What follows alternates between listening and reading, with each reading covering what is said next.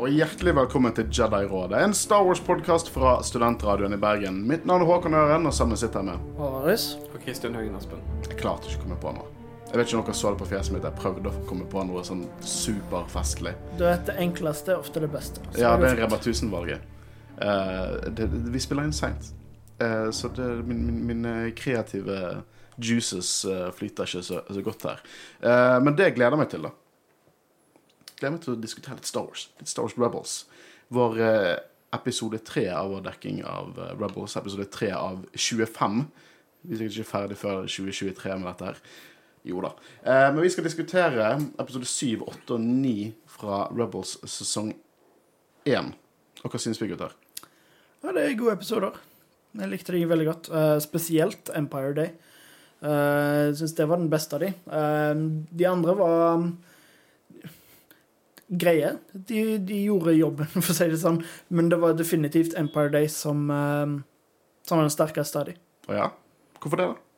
Nei, jeg bare liker veldig godt eh, alltid å få mer bakgrunnshistorie om hvordan det er i Empire. Jeg syns det er morsomt med liksom, at de har en egen Empire Day. Det gir jo veldig mening, da.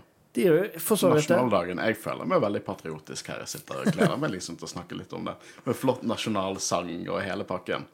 Men Christian, de to siste episodene her er jo så å si en, det er en two-parter. Det er jo det. Mm, jeg føler det er en treparter, jeg. Ja, De henger veldig godt sammen. det gjør de egentlig. Det er en ganske god trio, dette her. Jeg føler liksom altså, Sånn sett har ikke episoden den første vi skal dekke, noe særlig sammenheng med de to andre, men det er jo på en måte som å dra tilbake til det samme stedet, så jeg føler de har en connection, i hvert fall. Ja, det er callbacks der. Ja. Drivstoff-callbacks. Ja. Kanskje. Det er for mye drivstoff her. Du, du, du, du skulle aldri sagt det du sa tilbake i 2019 om drivstoff. For nå har vi kommet til ditt helvete, Rebels. Det er sånn annenhver episode så det er snakk om drivstoff. ja. Men jeg skal ikke plage deg så mye. Vi skal uansett diskutere Rebels. Men Christian Fuck the Empire. Men videre. Ja, deg. Kanskje vi snakker om noe gøy nå? Snakk litt om, eh, om eh, det du brenner for. Sosiale Ja. medier. Nei. Eh, sosiale medier. Ja, vi har eh, et sterkt ønske om å oppnå masse følgere på Instagram, Facebook og Twitter. Eh, og Hvorfor skal de følge oss? Hvorfor skal de følge oss? skal de følge oss? Fordi de skal lese alle de interessante innleggene som kommer fra Håkon. Og så er det viktig å gi oss en feedback, syns jeg er veldig kjekt å få. Jeg syns det er gledelig å lese både konstruktiv og både positiv og negativ feedback til hva vi kan gjøre bedre, og hva vi gjør bra. Noe dere ønsker å se noen eh, Jeg har problemer med hver gang de sender oss et spørsmål, så det bare kribler jeg i fingrene til å svare på det der og da. Men send oss inn spørsmål, så skal vi prøve å samle opp til en Q&A-episode, kanskje. Ja. Noe sånt som det der. Bare gi oss mer. Så hvis dere gir oss mer, så gir vi tilbake enda mer. Mer materiale, mer Jedi-rådet. Uansett, vi skal snakke om episode 7, Out of Darkness, episode 8, Empire Day, episode 9, Gathering Forces for Rebels, sesong 1. Og Håvard, spoiler vi? Spoiler the shit ut av det, disse episodene. Kunne ikke sagt det bedre sjøl.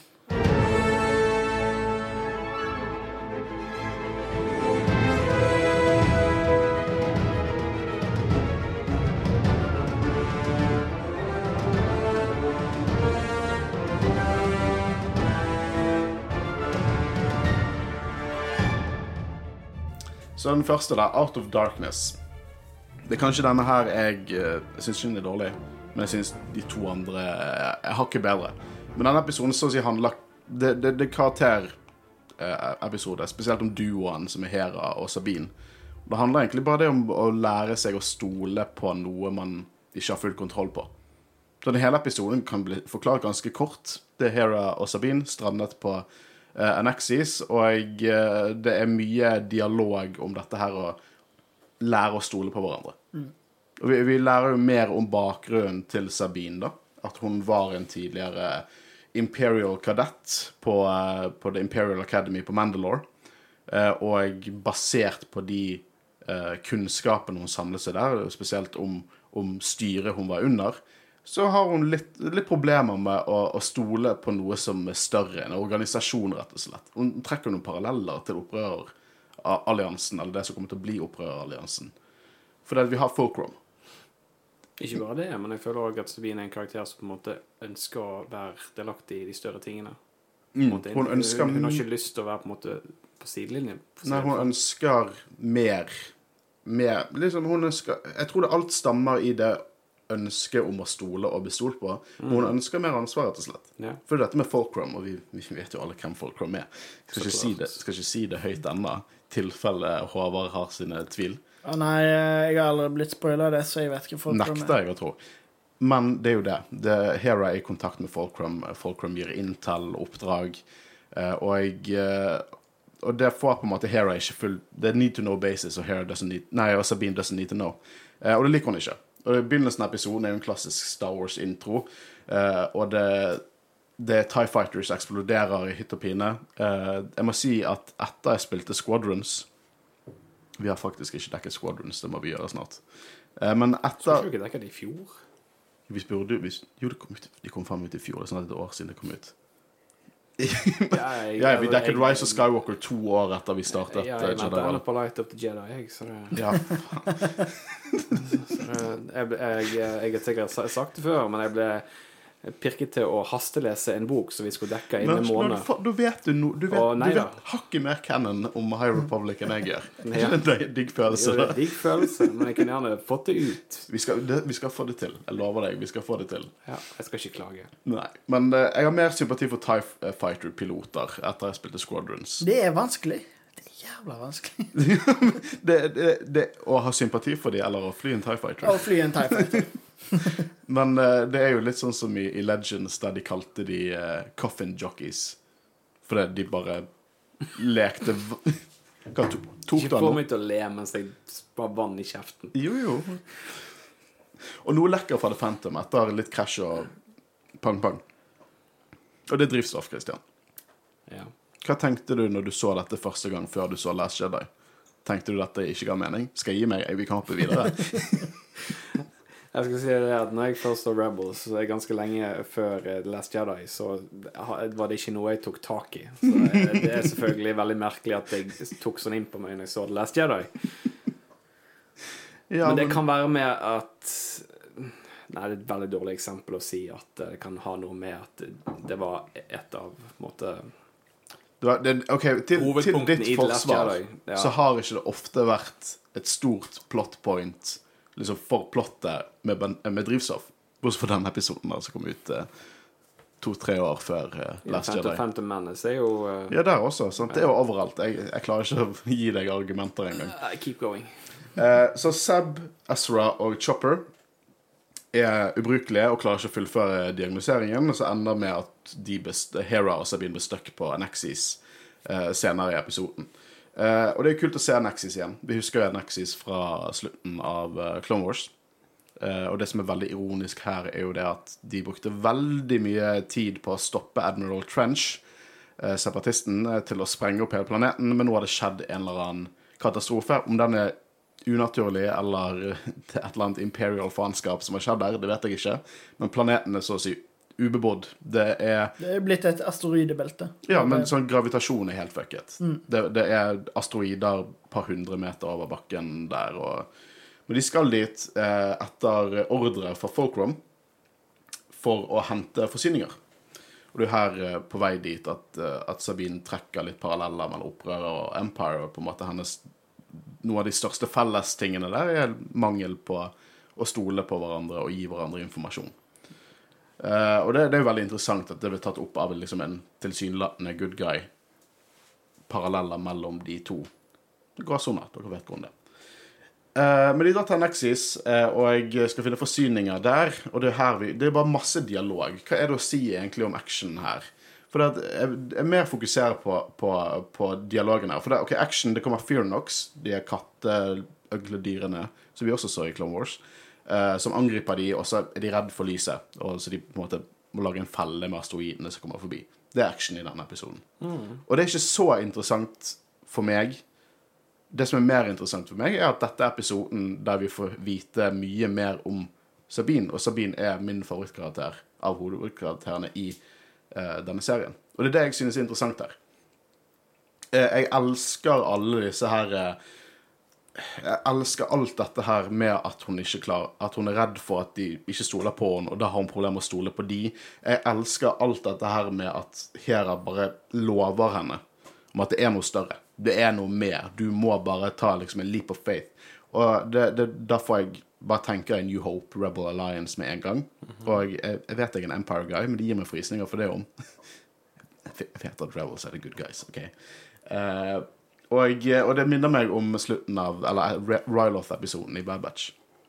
Mye av dette. Spesielt når foreldrene til Hera driver og sier at uh, at, uh, at, at, hvis ikke de gjør noe, så blir dette barna sine kamp, og det er jo barna sine kamp nå. Det, de, de, er midt i det.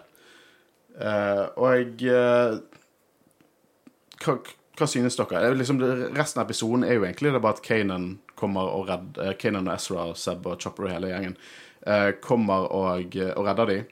Jeg liker den scenen når de tror at Kanan er sånn altvitende Jedi, men bare hører de krangler utenfor døren. Men det, det, er ikke egentlig så mye mer å si om denne episoden, da. Ja, nei, jeg liker det veldig godt. Eh, bare det å bli kjent med karakterene mer, på en måte. Og eh, jeg syns jo på en måte òg det viser litt hvor kanskje ung og naiv Sabine er. Altså Ja, for hun er jo ung. Hun, hun lærer litt at på en måte det at hun ikke får vite alt, betyr ikke nødvendigvis at de ikke stoler på henne. Mm. Det er liksom mer det, det er både for å beskytte dem og alt mulig sånn. Hvis du tenker i den virkelige verden med etterretning og alt mulig sånn, det er ganske mye som er need to know basis. Og det betyr ikke nødvendigvis at de ikke stoler på dem, liksom. Det er, det er sånn det fungerer. Du trenger ikke å vite alt. Og eh, jeg synes òg Hera klarer å forklare det veldig godt, fordi hun sier på en måte det at det er jo for å beskytte dem. Fordi hvis alle vet alt, hvis en av dem blir tatt til fange, da, så Så ja, for å si det sånn, det er vanskelig å motstå noe med, fra imperiet når de har sånn der interrogate box-opplegg. Ja. Og det tar jo Sabine personlig. Mm. Hun liker ikke det at For det, Hera sier jo dette med at eh, jo mindre du vet, jo mindre kan du dele videre med Empire hvis du blir tatt. Og det tar jo Sabine å bli skikkelig fornærmet over. Uh, men det viser jo egentlig bare til hvor effektiv og skumle The Empire egentlig er, til tross for goofy ass Stormtroopers. Så har de midler til å få den informasjonen de trenger. Unnskyld, kunne du gjentatt det? Det var med vilje. Goofy ass Stormtroopers? Nei, det du sa før det. Hvor evil og Empire. Jeg har allerede innrømmet det. Ikke ja. plag meg. Jeg begynner på drivstoffet. Nei, men jeg er enig. Men uh, altså, Sabine tenker jo sikkert òg at måte, hvis hun blir tatt, så snakker hun ikke. Men uh, Det er lett å tenke. Everybody talks. Ja da. Det, det er lett å tenke, sant. Ja. Og de, de, kommer jo til en e, enighet i løpet av denne episoden. Jeg har ikke så mye annet å, å si på akkurat denne episoden, annet, annet at, at Nei, det er, ikke, kanskje, det er ikke en veldig begivenhetsfull episode. Det er ikke det. Det er ikke det jeg sier. Men det er en utrolig god karakterepisode. En sånn episode som at oss to som har sett hele serien, kan jeg tenke meg kanskje setter litt mer pris på altså, Jeg setter jo pris på å på en måte se disse tre på rad, for på en måte at selv om det er ikke noen mega-connection med de to andre, så er det på en måte ja, men det er det, da. For vi har jo når vi har drevet Jeg ser ikke det som en filler heller. Nei, det er ikke en filler. Ikke det hele tatt. Men uh, det er litt sånn når vi har drevet og snakket For jeg vet ikke helt hva faen jeg har holdt på med når jeg har snakket om Rebels til Håvard. Har sagt sånn, sesong én er ganske dårlig. Det er ikke så dårlig. Når vi ser jo... det back to back, så er ikke det så liksom altså, De to neste episodene er to av de beste en, to, ja, to, av de beste episodene i serien. Ja, jeg er en. Liksom, de er på toppen der. De er, de er på toppen, ja. ja I hvert fall med hvordan de tilnærmer seg the dark side of the force. de er ikke på topp, men de er blant topp. Ja, men det, det, det er bare en kongeserie. Mm. Uh, jeg har to andre ting å kommentere på. Space Waffles. Vi får se Space Waffles. uh, vi så de på en meny i Mandalorian sesong to. Det minner meg ennå. Jeg har så lyst på det Darth Vader-vaffeljernet. jeg har lyst på Grogu-vaffeljern, Fins det? Ja. Oh de er jo merchandiset til shit ut av den serien. Ja, Faen meg kjøper sikkert Mandalorian-poteter. Få se når leilighet blir kjøpt. Nå må det bli plass på kjøkkenet. Ja Det er ikke plass til det på, i, båten. I båten er det vittig. Ja, du, hvis du har lyst, så klarer du sikkert det. Jeg har så mange kjøkkenapparater at jeg måtte opp og ned hele tiden. Blir det ko-ko. Sorry, nå sporer jeg veldig av. Fortsett. Uh, ja, Rydonium. Det er jo det de sprenger her. Uh, Rydonium, for de finner dette drivstoffet. Ja, det er drivstoff. Uh, og sprenger disse furnoxene, hvis det er det Furnox, ja, det er det de heter. De sprenger de opp med det. Og Rydonium det så vi i episode 15 eh, av Mandalorian, altså i, slutten av sesong 2, The Believer. Og det er jo det som, eh, som eh, Bill Burr sin karakter driver og sprenger. Eh, så det er kult å se. Det, det, er helt klart en referanse til Rydonian Det kan godt hende det ikke. Jeg føler, jeg velger å tro at en liten referanse Mandalorian har en liten referanse til Rebels i forhold til liksom kontinuitet og hele pakken.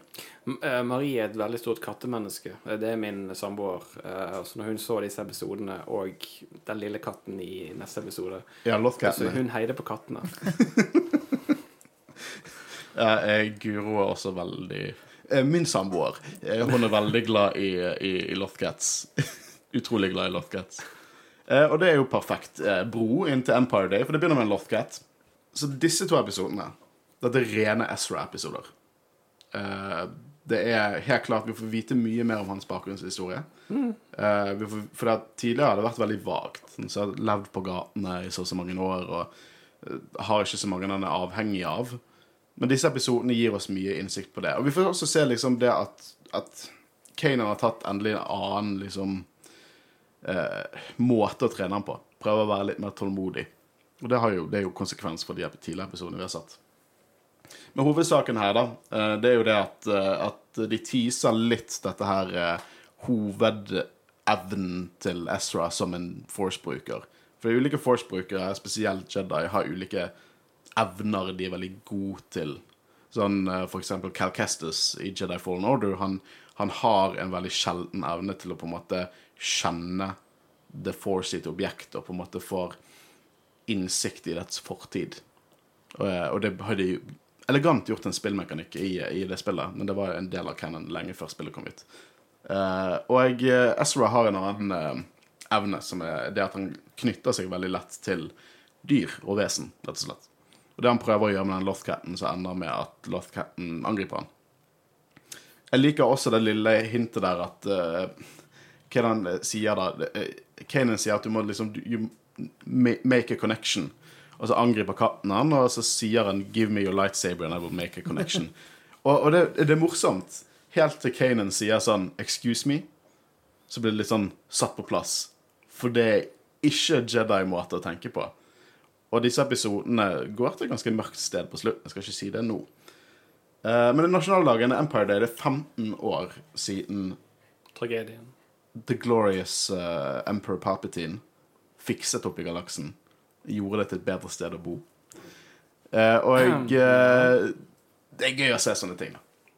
Det er gøy å få Det er ikke sånn typisk ting vi får i Star Wars å se på en måte nasjonaldagen til Vi Empire. måtte jo ha en Empire Day. Og Plager det dere at Imperial March er canon in universe? Overhodet ikke. Jeg syns det er kjempemorsomt. Og det at jeg har gjort den om til dyr, og bare så glad og på en måte patriotisk Det, det høres ut som en nasjonalsang, rett og slett. Så ja, nei, jeg syns det er bare en kjempekul detalj. Ja, og, og i senere episoden så er det sånn de har den paraden, så står det sånn offiserer bak og sånn Kom an, gi litt attitude til de uskyldige folkene som ikke er happy i det hele tatt. Uh, jeg syns det er kjempegøy. Det er goofy, men det er sånn, det er sånn, det er sånn Star Wars-goofy som får deg til å på en måte bare smile. Eh, og ja, det er aspekter vi ikke ser til vanlig. Vi så litt hint av det i Solo. Når det er på den rekrutteringsbasen i Solo, da hører vi Imperial March og litt sånn Hadde du lyst til å se galaksen og reise til nye steder? Som er en god pitch. Eh, men det kommer noen TIE Fighters, og de drar til Old Joes bar, tror jeg. Jeg liker at den baren har Clone Wars-theme. Så det er liksom en LAAT-front utenpå, og så klonehjelmer inni og sånn. Så er det liksom det samme som sånn typisk sånn 50s diners Nei, det er som Egon. Det var Som masse Egon. gammelt crap på veggene.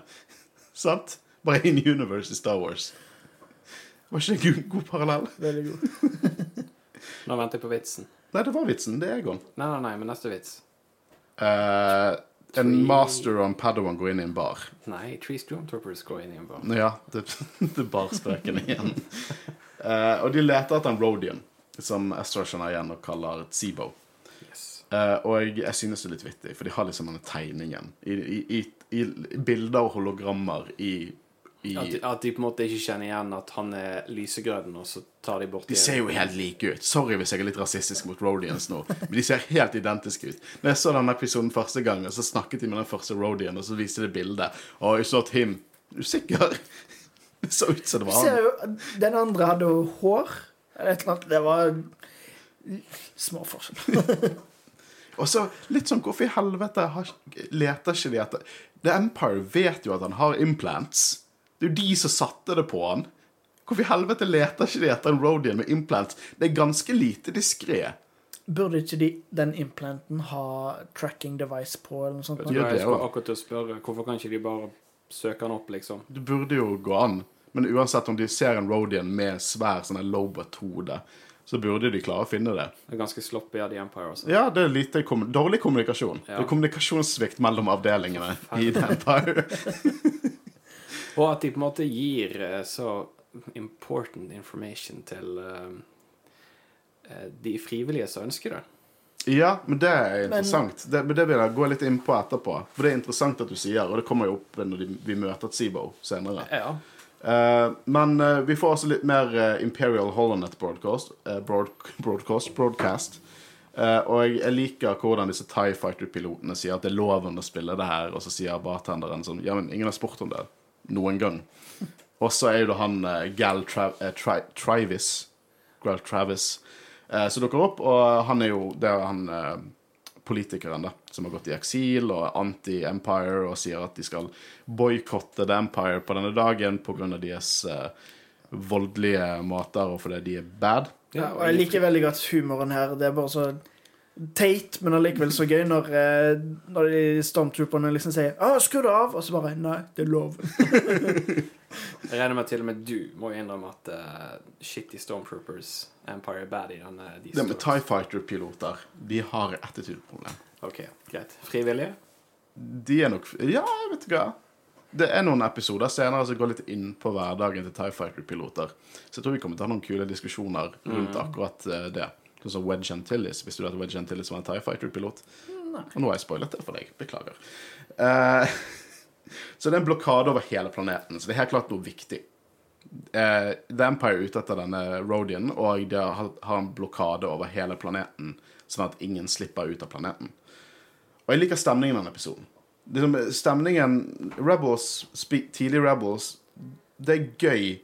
Det er gøy Jeg beklager, er mobilen min. Jeg, det, pleier, det har skjedd en annen gang. Give me a break. Det skjer mye mer med dere. Men jeg liker stemningen i denne episoden. For det at Rebels Rebels er gøy. Det er ren moro. Det, liksom, det, det har mye lyse, gøye, gledelige toner, og så på en måte klarer det å være seriøst når det skal være seriøst. Og dette er en seriøs episode. episode. hører bare på musikken, til og med. Eh, det er mye øyeblikk der karakterer bare helt klart tar seg en pust i bakken, reflekterer. Du ser noe går an, skjer. Eh, For Ezra han liker ikke denne dagen. De andre vet jo ikke det at dette er bursdagen hans, faktisk. Og det vil si at han er vel akkurat like gammel som Luke og Leia på, på dagen. Han er vel 14 nå, ikke sant? Eh, Eller han, fyller han akkurat 15. han, er 14, han, er, han er vel 14, Han var, syv, år han var syv år når foreldrene forsvant. Ja. Men ok, så han er like gammel som Luke og Leia. For de ble Ja. født dagen Or liksom Or, or Ja, på- ja, Han ble født dagen, ja. Så å si. Ja, Pluss minus én dag, kanskje. ja. Og eh, dette er fem år før eh, New Hope, så han er vel 14. 19 år mellom episode 3 og episode 4. Og 14, ja. Uh, og jeg, det er mye sånne forcebacks. Han hører moren sin, hører faren sin. Uh, og de var visst klassiske opprørere som drev med, med, med liksom uh, propaganda tidlig under The Empire. Det er jo liker jeg veldig godt med sånne Sånn at de spiller på sånne ting, eksempel akkurat som i Norge under andre verdenskrig. Det var veldig mye sånn undergrunnspropaganda, aviser og ulovlig radio Jeg og alt også nettopp Max Manus igjen. Så det er veldig kult å se at uh, det er sånne ting i Star Wars. Ja, det, det gjør jo eh, universet litt mer uh, troverdig. Ikke det fortsatt sånne ting i Russland? Det er det nok det. Du, det, det finnes nok det overalt. Putin men, kommer til å stenge oss ned hvis vi driver og snakker sånn som dette. Kan vi kutte det? Eh, men han vet hvor Seabo er, for en eller annen grunn. Han bare, han får en feeling. Og det, ok, alt det som skjer nå, paraden, alt er konge. Elsker det. Uh, når uh, Selvfølgelig gjør du det. Ja, men jeg elsker også humoren, da. Jeg regner med at du kommer til å si 'forbanna sabotører' etterpå. De, de, Ja! De fuckings ødelegger jo moroa. Jeg liker først når de begynner å kaste opp det her fyrverkeriet. Og så tar Minister Tua og jeg bare kjempe, kjempeimponert over, kommandanten. Han, jeg sa jeg kom til å glemme navnet hans. Jeg sa navnet i første episode, jeg kommer ikke til å si det igjen. Eh, og bare kjempeimponert over han. Og dette kommer eh, Governor Price, som også er en stor karakter. eh, som kommer tilbake. Hun er også med i Thrawn-bøkene. Eh, Hun, eh, hun har blitt invitert til Coruscant for å feste med Palpatine. Det tror jeg er en vill fest. Jeg ser for meg Palpatine danse på et bord. Altså. Han, han lager sikkert en awesome White Russian. Men hun ble i hvert fall imponert over fyrverkeriet, som egentlig ikke er planlagt. Og han kommandanten bare sånn Ja, det var totalt planlagt. Og vi ser Baron Valen Rudor fra forrige episode, og han eh, Han skal fly en Advanced Tie Fighter V1. Og det som er kult med denne, er at dette er på en måte forhåndsmodellen til The Advanced Tie Fighter som vi ser i New Hope, som er Vader sitt skip i uh, New Hope. Uh, så den ser Den minner egentlig litt om en, uh, en mindre Tie Outlander som vi ser i Mandalorian, med at vingene driver og går, legger seg sammen. Det er i hvert fall kult. Og Callis er der, og han leter etter Rodian, selvfølgelig. Og Inquisitoren er der. Men det viktigste å snakke om her er Spiller Kanan høy? Liksom, er det er det, det, er det? For han er sånn Oh, look at the colors, man! Wikipedia sa at han spilte full, men jeg kjøper ikke Ja, det Det så mye mer ut som han var høy. Det- Bare, kanskje ikke trippa, men eh, liksom at Det var en Spice Stream. Det var Spice, noe sånt, ja. Spice Stream. Akkurat dette her Bobafett Boba Fett snakker om i Mandalorian sesong 2. This isn't the Spice Stream. Kanan later som han har en Spice Stream. Og gjør det eh, for, okay, for, Tror dere Kanan gjorde, drev med Spice tidligere i livet? For han har Burde ikke, burde ikke på en måte Kanan og Estra for den saks skyld være ganske høyt ettersøkt på dette tidspunktet? Burde Jo. ikke alle Stormtroopers kjenne de igjen, på en måte? De kan ikke Burde se shit ut av de hjelmene. Nei, det er jo sant. De kan jo ikke skyte, så det er et veldig godt poeng. sånn sett. Jeg vil ikke tro at Minister Tua og den her kommandanten her er liksom de, de beste til å, til å organisere en jakt på disse her. Jeg tror Callis har kontroll. Men Callis ser jo ikke de alltid. Jeg tror Callis er den eneste Imperialen og The Inquisitor på den planeten som har kontroll. Eh, det er jo det som gjør det kult, for det at senere sesonger så er jo De tar jo tak i det. At liksom The Empire Dere har fuckings ikke kontroll, og da får vi Price, vi får Thrawn etter hvert. Det får faen meg uh, Vader etter hvert også. Så det, det, de bygger det opp. Det Ja, altså, liksom, jeg, jeg ser jo for meg at uh, på en Imperial uh, si, planet, så på en måte de har stedfeste, så bør det liksom være en mest ettersøkt liste. ja, men du har helt rett. For det at Lothal er dritviktig for liksom The Imperial War Machine. Ja, de har jo en femårsplan. så Ja, For å bygge og produsere nye skip og prototyper i hele pakken. Så selvfølgelig må de tro at det er et sabotørs kjærlighetsstrøm. Ja, ja. Og det er det de gjør. De saboterer jo skipet, sprenger dette helvete.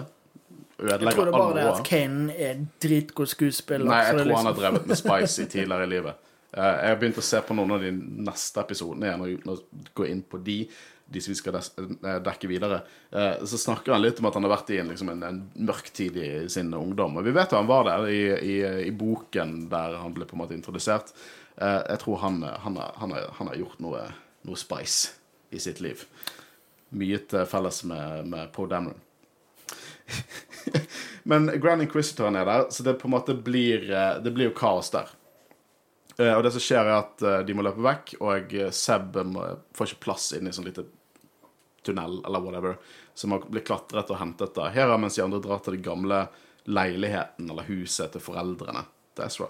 Jeg syns det er litt rart, fordi etter de har sprengt det skipet, så stikker de av, og de har ikke blitt sett av noe, og så begynner de å skyte mot Grand Inquisitor. Liksom Hvorfor? de blir jo ikke oppdaga, så det har jo ingen konsekvens. Men altså, når de, prøver, når de prøver å stikke av, hvorfor snur de seg, skyter ett skudd, og liksom bare Å, nei, OK. Der er det. Så springer vi. For det er det to viktige mål. ene er viktig, den andre er enda viktigere. Ja. Men hvorfor treffer han ikke? Ja, men det, det, det, det er sant, det er helt riktig. For de visste jo ikke at Grand Inquisitoren var der. Så selvfølgelig når de har en sjanse til å stoppe han, og det er jo, i deres øyne er jo The Grand Inquisitor den største trusselen de har. Det er helt rett, Christian. Ja, så- så- det er derfor de skjøt. Men, Og det var eh, lurt. Det er jo en annen sak. Eh, men nå kommer de hjem til gamle huset til Ezra, da. Og det er her de finner Seabo. Skjult eh, nede i sånn kumlokk eller eh, noe sånt. Han har cybernetics. Han har lowbot cybernetics på hodet. Dere husker Lowbot fra Nå snakker jeg litt til lytterne våre. Eh, jeg antar dere antar de vet det. Jeg bare sier det. Lobot er jo denne karakteren fra Empire Strikes Back. Best buddyen til Lando. Tidligere Imperial som hele tiden må kjempe mot cyberneticsene for å beholde sin egen eh, identitet. Og så grunnen til at han ikke kan drikke. Lobot kan ikke drikke, ellers er han redd for å miste på en måte kontrollen til cyberneticsene. Eh, så det er ganske grusomt, da. For de blir på en måte overstyrt av kunstig intelligens. Det Chris Sabine kaller det at de ofrer personlighet for å få mer eh, effektivitet. Og det tyder på at han har. Nei, men det er frivillig. Ja, ja, men det er trist. Det er litt trist. Men det er overraskende nok frivillig. Enn så lenge. Ja, det er det Sabine sier. Foreløpig er det frivillig. Men, Men òg hvis Empire kommer på døra di liksom med stormtroopers og sånn og sier Vil du gjøre dette her? Det er helt frivillig, men vil du gjøre det? Det er frivillig. Tror du, tror du mange hadde klart å si nei? Jeg tror det er ikke fuckings frivillig. Nei. Til og Det med er Sabine sier det er frivillig. frivillig på papiret, men Det er jo frivillig. Det viser jo hvor mye Tsibo har ofret. Da er det frivillig å få en identity eh, fødselsnummer, for å si det på den måten. Nei, men det er jo bare positivt. Er det fri... Fikk du det frivillig? Du har hatt det så lenge du vet, du. Fair enough. Det var jævlig dårlig poeng. uh, så de finner nå han, da, og han har Chris Bean sier For de finner informasjonen han har i hodet sitt, og det er alt. Det er troppeplasseringer, det er nye eh, våpen de skal produsere, prototyper, skip. Vi ser noen klassiske AT-AT-blueprints der. Det er jævlig mye informasjon i hodet hans som han har samlet. Eh, og det forklarer jo hvorfor The Empire har lyst på han. det er basically eh, opprørernes drømme-intel, på en måte. Ja, absolutt. Gruven. Mm -hmm. og det er i, i Tibor. Uh, og vi får høre at eh, faren og moren til, eh, til Ezra er Ephraim og Mira Bridger, og at i dag er det bursdagen hans. Eh, og eh, det forklarer jo veldig mye om hvorfor han, eh, han på en måte fordi han, folkene Kanan og alle har lurt på hva som er gale med nå, for han har vært alene på noe tidspunkt og trenger litt alenetid.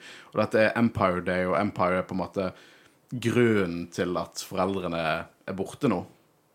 Antageligvis kanskje dø, for alt han tenker.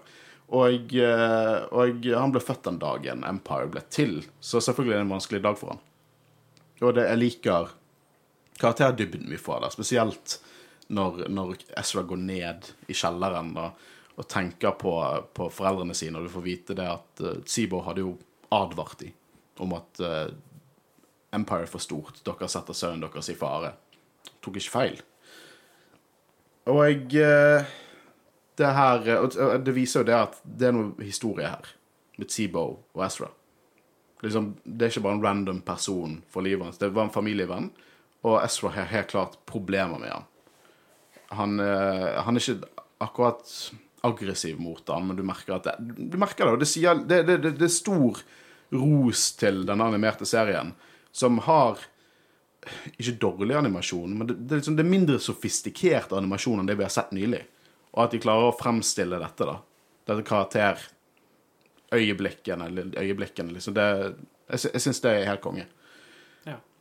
Eh, og det blir jo en chase. Inquisitoren han flyr Ty Advancen, har en sånn kul eh, hjelm. Jeg liker hjelmer, som dere ser. og eh, i hele denne chasen, så alt jeg sitter igjen med, er at The Empire er ukarakteristisk formidable. Jeg sitter igjen med en annen ting. Hva da? Chopper er awesome. Chopper er awesome. og jeg føler litt at Altså Når jeg ser, når jeg ser det, akkurat denne fighten her og Chopper generelt sett i denne han faktisk dreper folk. så jeg er ganske sånn Ok, han er ganske kul. Han er ikke noe R2D2, men han er ganske kul. Han er mer enn R2D2. Chopper knuser R2D2. Chopper, Chopper er Ja, men jeg, jeg tror at de prøver jeg, jeg tror at Chopper har den høyeste kill-kanten av noen droid. Det, det Og jeg lurer litt på om det er en sånn ting at vi skal ha sympati for, for liksom de sentient Men når i jeg denne ser Chopper, så får jeg mer følelsen Han er den som gir meg mest inntrykk av at droids er sentient. Men Det er vel kanskje fordi det sier de ikke at han er ganske ødelagt. At han måte, kanskje han bare ja, ikke fungerer helt som han skal, og er ekstra psykopat. Ja, han er Jeg, jo det. jeg vil si at han fungerer akkurat sånn som han skal. Ja, jeg er enig i den. Men jeg tror også sånn meta, så tror jeg at eh, de som har laget dette her, har gitt Chopper mest kill count, bare sånn at vi skal ha mer sympati for, for liksom personene. Og så er det sånn Ja, ja, men Chopper, han, han, han dreper folk. Han, han dreper folk i denne episoden. Skyter de, og Og liksom Men det jeg ikke forstår, er Dette har sikkert bare med at de skal komme seg vekk. Når de begynner å skyte på Ghost, eller Mhm. skipet, eh, og han skyter tilbake, Chopper, Mhm. hvorfor stopper de å skyte? De får vel panikk, da. Jeg vet ikke. Eller kanskje det er der konseptet med hvorfor de sluttet og de ikke skjøt på de der uh, escape podsene i New Hope. For det er en sånn kill count for Empire. Altså, Du kan argumentere med at shotene til Chopper ødela kanonene til deres tanks, men still Da, nå er det mitt, eh, mitt problem når jeg researcher Rebels og sånn, er det ofte jeg ser på det jeg skriver, og ikke på episoden.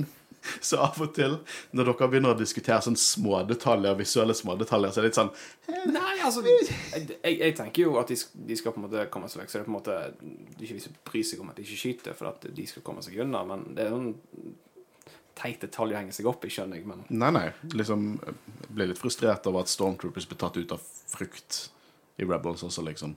ja. Sånn som i Fighter Flight Fight Fighter Flight Fighter Flight Fight or flight. Fighter Flight. Ja. Det der ble Stormtroopers tatt ut av, av frukt.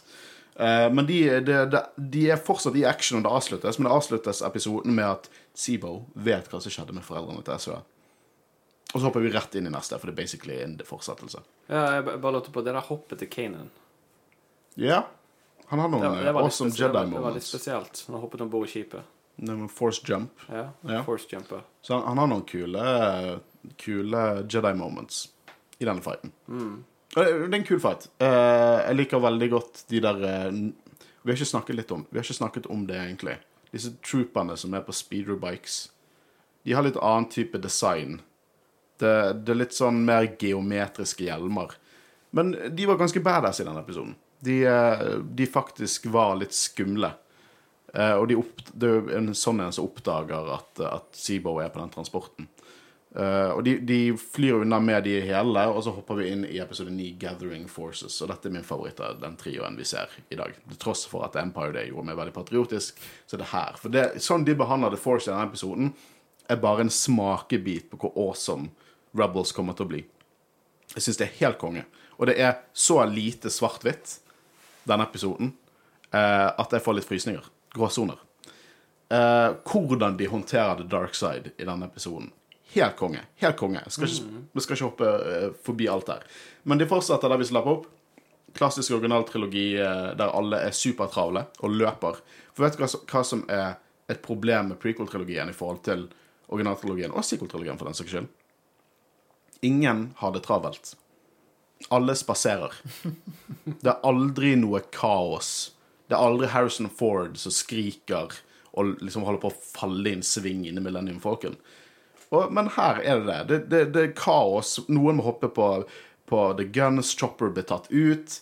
Eh, det, er sånn, det er en sånn klassisk dis, diskré måte å, å skape Star Wars-følelse på. Originaltrilogi Star Wars-følelse på. Eh, og jeg syns det Rebels generelt klarer det veldig, veldig, veldig godt.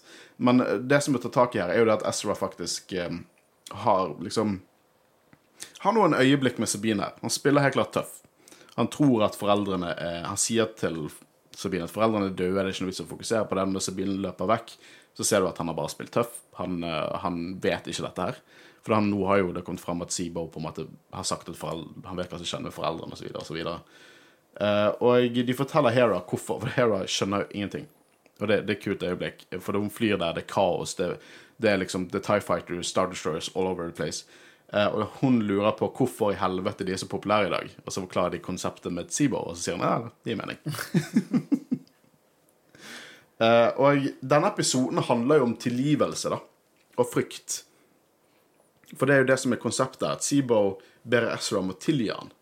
Eh, og dealer hvorfor Ezra har problemer med Seabo. Hvorfor har Ezra problemer med Seabo? Nå lar jeg min egen stemme.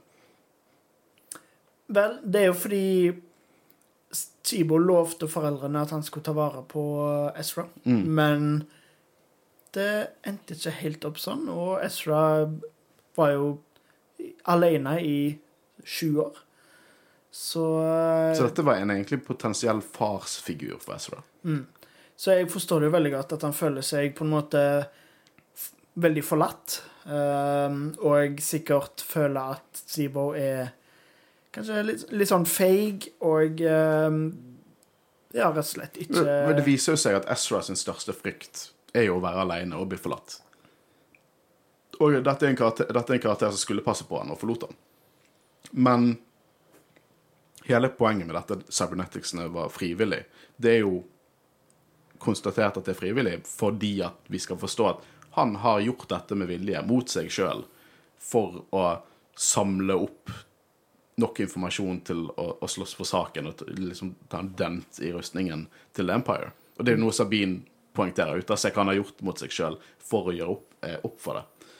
Um, videre så liker jeg veldig godt Inquisitoren eh, sin reaksjon. For Han setter en tracker på The Ghost, og så sier han 'quite a ship'. Så han er faktisk imponert. Uh, og eh, han De hopper jo inn i hyperspace nå.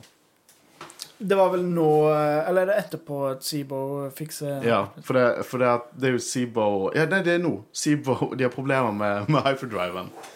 Eh, og så sier Seabo liksom at den beste måten å komme seg vekk fra Eller fra A til, til Å er jo å bruke eh, the nav computer, og så bare går han inn og fikler på noe, og så bare hopper de i hyperspace. Og det er noe som liksom Ezra ikke klarte. Ingen av de klarte det, men han er så å si en gåen en organisk droide nå.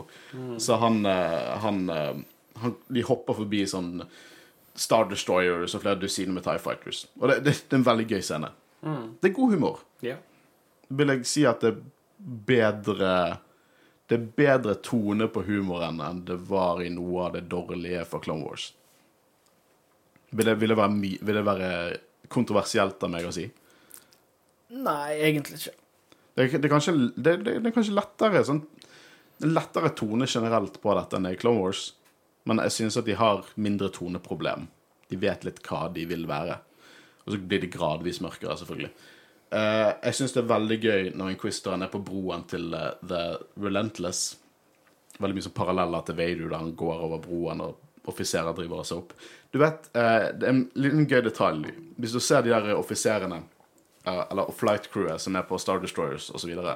Alle har en sånn hatt som dekker for øynene, og alle ser identiske ut. Det er rett og slett sånn budsjetting. Så du vet at hvis du ser hele fjeset til en Imperial Officer, så er det en relativt viktig karakter. Hvis du ikke gjør det, så er det fordi at de ikke hadde budsjett til å gi liksom Lage forskjellige eh, variasjoner og sånn. Så det, det, det er litt det er litt løk, syns jeg. Men det var en lavbudsjettserie. Det dette, er ikke, dette er ikke sesong 7 av Clone Wars. Dette er ikke Bad Batch. Å ja, du tenker eh, meta nå? Ja. Jeg trodde du mente at in universe Nei, nei. så var det budsjett Liksom at de mindre liksom fikk andre typer Nei, nei, bare det, de offiser, det er meta. Helt meta. Offiserene som ikke er viktige, har en caps som dekker til øynene. Eller det skygger der, sånn at du ikke skal se øynene deres.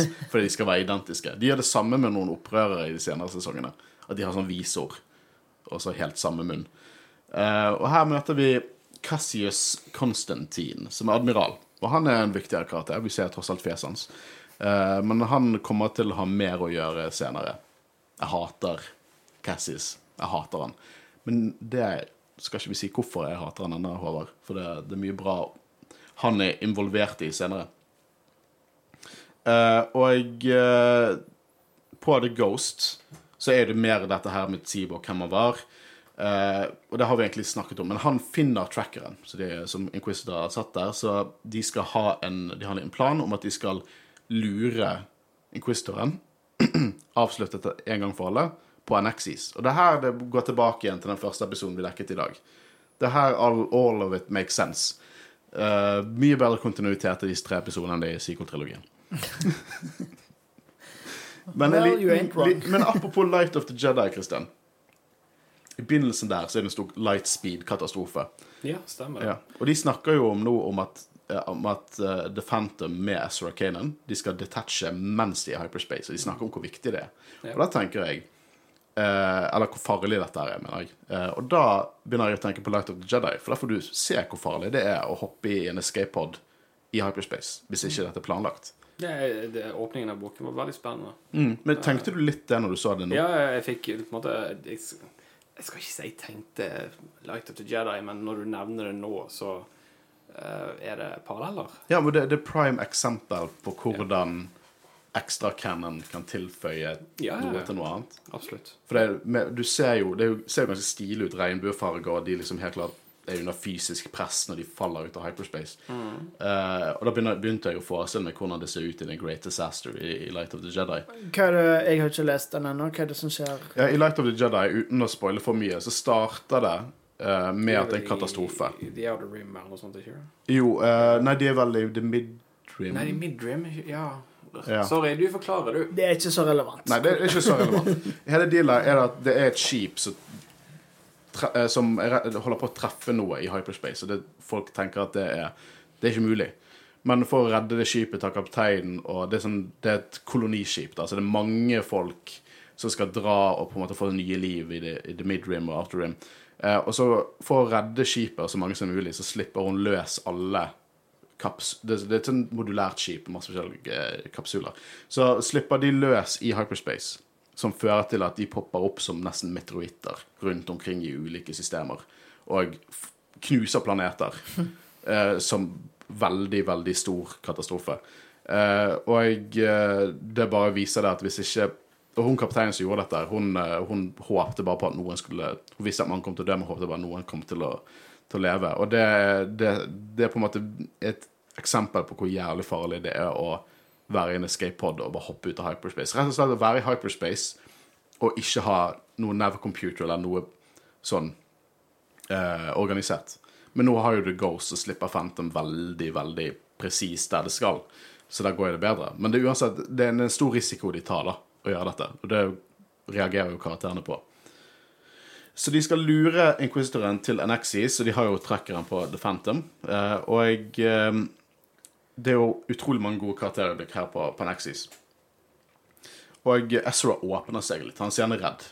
Han, eh, han, han sier han er, er livredd og redd for håp om foreldrene. Og på en måte Når han sier alt dette, at han er livredd, og denne planen, at de skal bruke disse dyrene og alt dette her, så sier Kanan Men alle er redd. Du kan ikke være modig hvis ikke du er redd.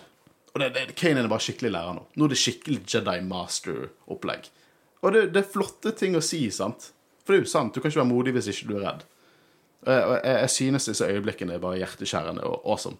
Jeg liker også veldig godt når, når uh, Inquisitoren er på broen, eh, og jeg sier til Konstantin at uh, I sense a movement in the force, og sier admiral ye, yes. For det, ok, Sett deg inn i, i, i skoene til en sånn imperial offiser. Det er ikke veldig ofte du har noe med noe med force å gjøre. Ikke så lenge etter Order 66. Hvis Inquisitorene har sikkert vært sånn, de har sikkert ikke hatt så jævlig mye å gjøre det siste. Så og du, Han vet bare at denne fanatikeren er ganske høyt rangert, så du må bare sånn nikke til det han har å si. Jeg synes det er jævlig gøy. Uh, så Kanan driver og pusher Ezra om hvorfor han er redd. Det er jo her alt kommer fram. Her Han er redd for kunnskap, redd for sannheten om foreldrene. Uh, og uh, det er på en måte Hva de gjør her, da? De skal bruke dyrene, rett og slett. Som vi så i første episode. Mot stormtrooperne og inquisitoren. Uh, og han må på en måte knytte med de dyrene, men hvordan skal han gjøre det? For han klarer ikke å knytte. Det var det vi så også i forrige episode. Han klarer ikke å knytte meg opp med denne katten. Og nå er det tusenvis av katteøgler som er mye større, som er mye farligere. Og det her var en flott øyeblikk. Han sier til slutt at han, får, han tilgir Tsibo. Eh, og eh, nå er det sånn Last Jedi-shit her. For det at all Tsibo senser det. Ja. Altså, nå igjen merker du uh, at eh, Ryan Johnson er stor fan av Rebels. Ja, sant! Det, Ja, absolutt. For det Sibo senser en det. Ja, det var det jeg tenkte også. For Sibo senser det. The- Force tilhører alle. Og er det liksom kraftig nok eller konsentrert nok, så kan til og med vanlige folk sense det. Og det gjør jo Sibo. Han nesten snakker med han over The Force. Uh, og det er her vi får se styrken til Ezra, knyttet med vesen. Og uh, Ezra er faktisk litt badass her. Når han sitter og mediterer og bare sender katter og de svære øglene. bruk det riktige ordet. Ofrer. Ja, det gjør han. Han Det er viktig, å være nøye her på hva vi sier. Men jeg tror ikke vi ser mange katter bli akt... Jo, vi ser noen bli aktivt drept av Inquisitoren. Vi gjør det. Eh, jeg vil også si det at eh, det er en kul lightsaber-duell, og det er kul awesome musikk. Jeg vet ikke hva dere har å si på akkurat denne kampen her, for det er jo Ezra Kanan mot Inquisitoren til slutt. Ja, jeg synes det, ja, det er tøft. Klassisk dark side Jeg- versus jeg- light side-kamp. Jeg fikk forfrysninger sånn som jeg så nå, sånn som jeg så første gangen, når det svære kattedyret kommer opp fra Ja, for det er det som er awesome. Ja, det er det som er awesome. For Ezra tapper inn til the dark side. Og det er awesome! Det er så jævlig mørkt at Ezra, liksom goofy ass drittungen, tapper inn til the dark side, og Kanan bare senser det. Og den er jeg, jeg, jeg leste på Wikipedia at det var Mother Fearnock Mother, eller noe sånt. Det var en svær Fearnock som dukker opp. Uh, og eh, så faller Ezra om, og han er kald, og Det er dypt. Mm. de behandler Fordi de slipper unna det, men de behandler Men her òg, Last Jedi, samme som skjedde med Ray når Luke trente Ray, holdt Mm. si. Når hun satt på steinen og på en måte tappet into the dark side. eh, Besvimte helt av. Ja. Det- Det er så Sorry. Nei, awesome! Jeg tenkte ikke på det engang. Nydelig. det? Nei, jeg tenkte ikke på det i Nei, det, det, jeg, når jeg ser denne episoden, så på en måte tenker jeg Ryan Johnson at det må jo være en av favorittepisodene hans. Ja visst faen. Det, Ja, men det er nydelig. Jeg liker når de behandler The Force Dark Shadow of Force nesten som sånn en overdose. Eller det Ja, det er bare det, er nesten, det er nesten sånn Det er nesten et, et drug, på en måte. De, de gjør det også i, i, i Jedi Fallen Order. Der behandler de liksom en, som, en Jedi som har problemer med å og Hun har problemer med the dark side. At hun tør ikke bruke the force, for hun er redd for at hun skal tappe into the dark side. Uh, og det jeg liker enda mye bedre med dette, her er hvordan Kanan reagerer på det de kom seg unna. Han er ikke sint. Han prøver å trøste han. Han har full forståelse for han. Han, han sier liksom Forklarer litt om the dark side. At liksom hvis du hvis ikke du har trent sinnet ditt eller viljestyrken din nok, så er det lett at denne siden av The Force kan overta alt. Eh, og det er jo derfor vi får vite, som fra Yoda i Empire Strikes Back, at det, det er liksom de svake det, det, det, det, det, det er en svakhet å liksom la seg slippe inn til the dark side. Og det Jediene gjør, at de kjemper mot den svakheten.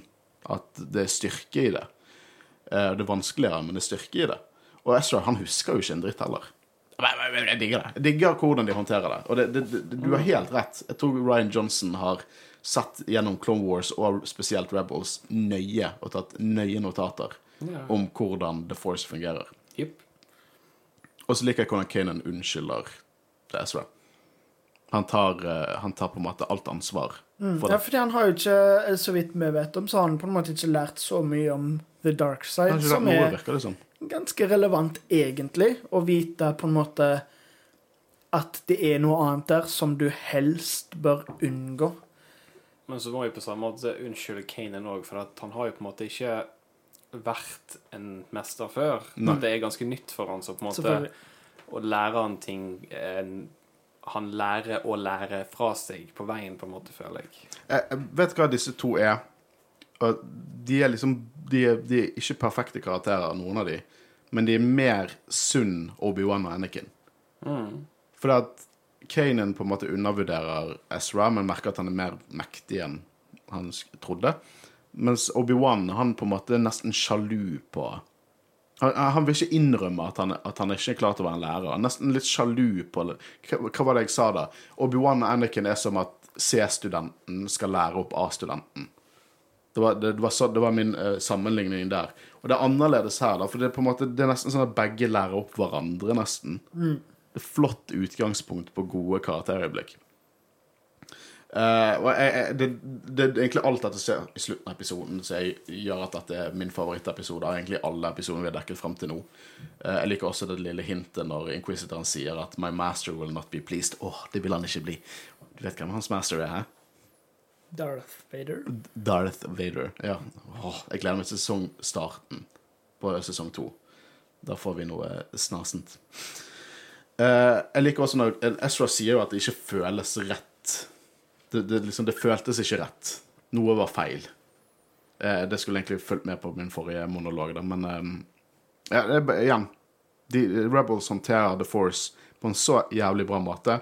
Uh, fra en æra liksom bare La oss se på Rebels som det, noe av det første av New Canon etter Disney tok over.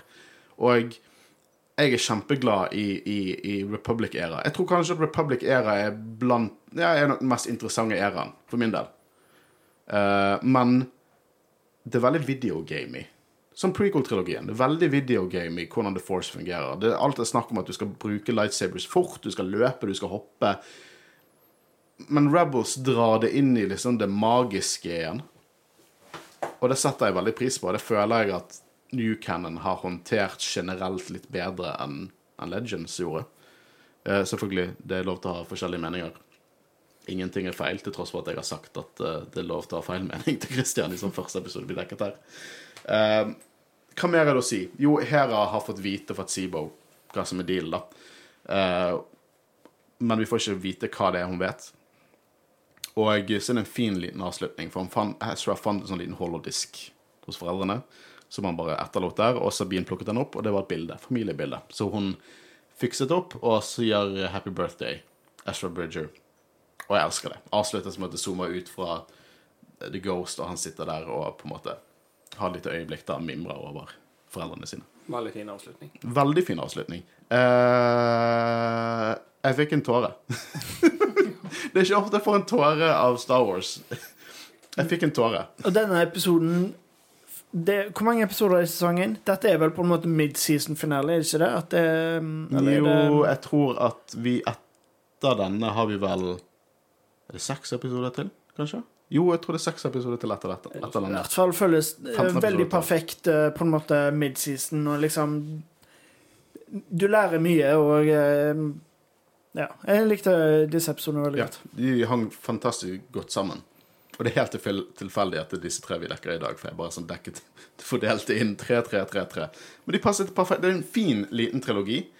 eh, og en ark, hvis jeg nesten kan kalle det. Eh, og jeg, eh, jeg storkoser meg. Jeg syns det er helt konge. Jeg. Um, jeg er veldig glad jeg endelig har begynt å se Rebels, fordi som du sier, det med The Force og sånn, det er mye som på en måte har blitt sagt nå i både i, eh, sequel-filmene, men òg andre steder. Men jeg liker veldig godt å lære mer om The Force, og jeg liker veldig godt det de gjør. Liksom, Misforstå meg rett, min, min jam er jo liksom uh, gråsone, og, og det, min, min jam er opprører versus Empire. Det har alltid vært min jam. Men jeg elsker når Star Wars også pusher på fantasy-elementet, for det, det er fantasy. Det er fantasy sci-fi-forkledning. Det er det Star Wars er. Og når de klarer å gjøre noe så viktig aspekt som The Force til mystisk igjen, eh, det er helt konge. Og jeg vet at du også gleder deg til hva som kommer senere i denne sesong, serien. Ja, ja. For det, de aspektene de trekker inn i The Force, det er liksom Det, det er helt konge. Helt konge. Så bare gled deg, Håvard. Eh, vi har masse Star Wars i fremtiden. Vi skal også eh, dekke Star Wars Visions. Eh, basert på når denne episoden kommer ut, så kan det hende at vi allerede har dekket Star Wars Visions. Hvem vet? Vi er ikke live. Men uansett, jeg kommer til å snakke Rebels med dere, og jeg gleder meg til å dekke resten av eh, denne her serien. Mitt navn er Håkon Øren, og jeg sitter sammen med Aspen. Og vi snakkes neste uke. Ha det bra. Ha det bra. Ha det bra.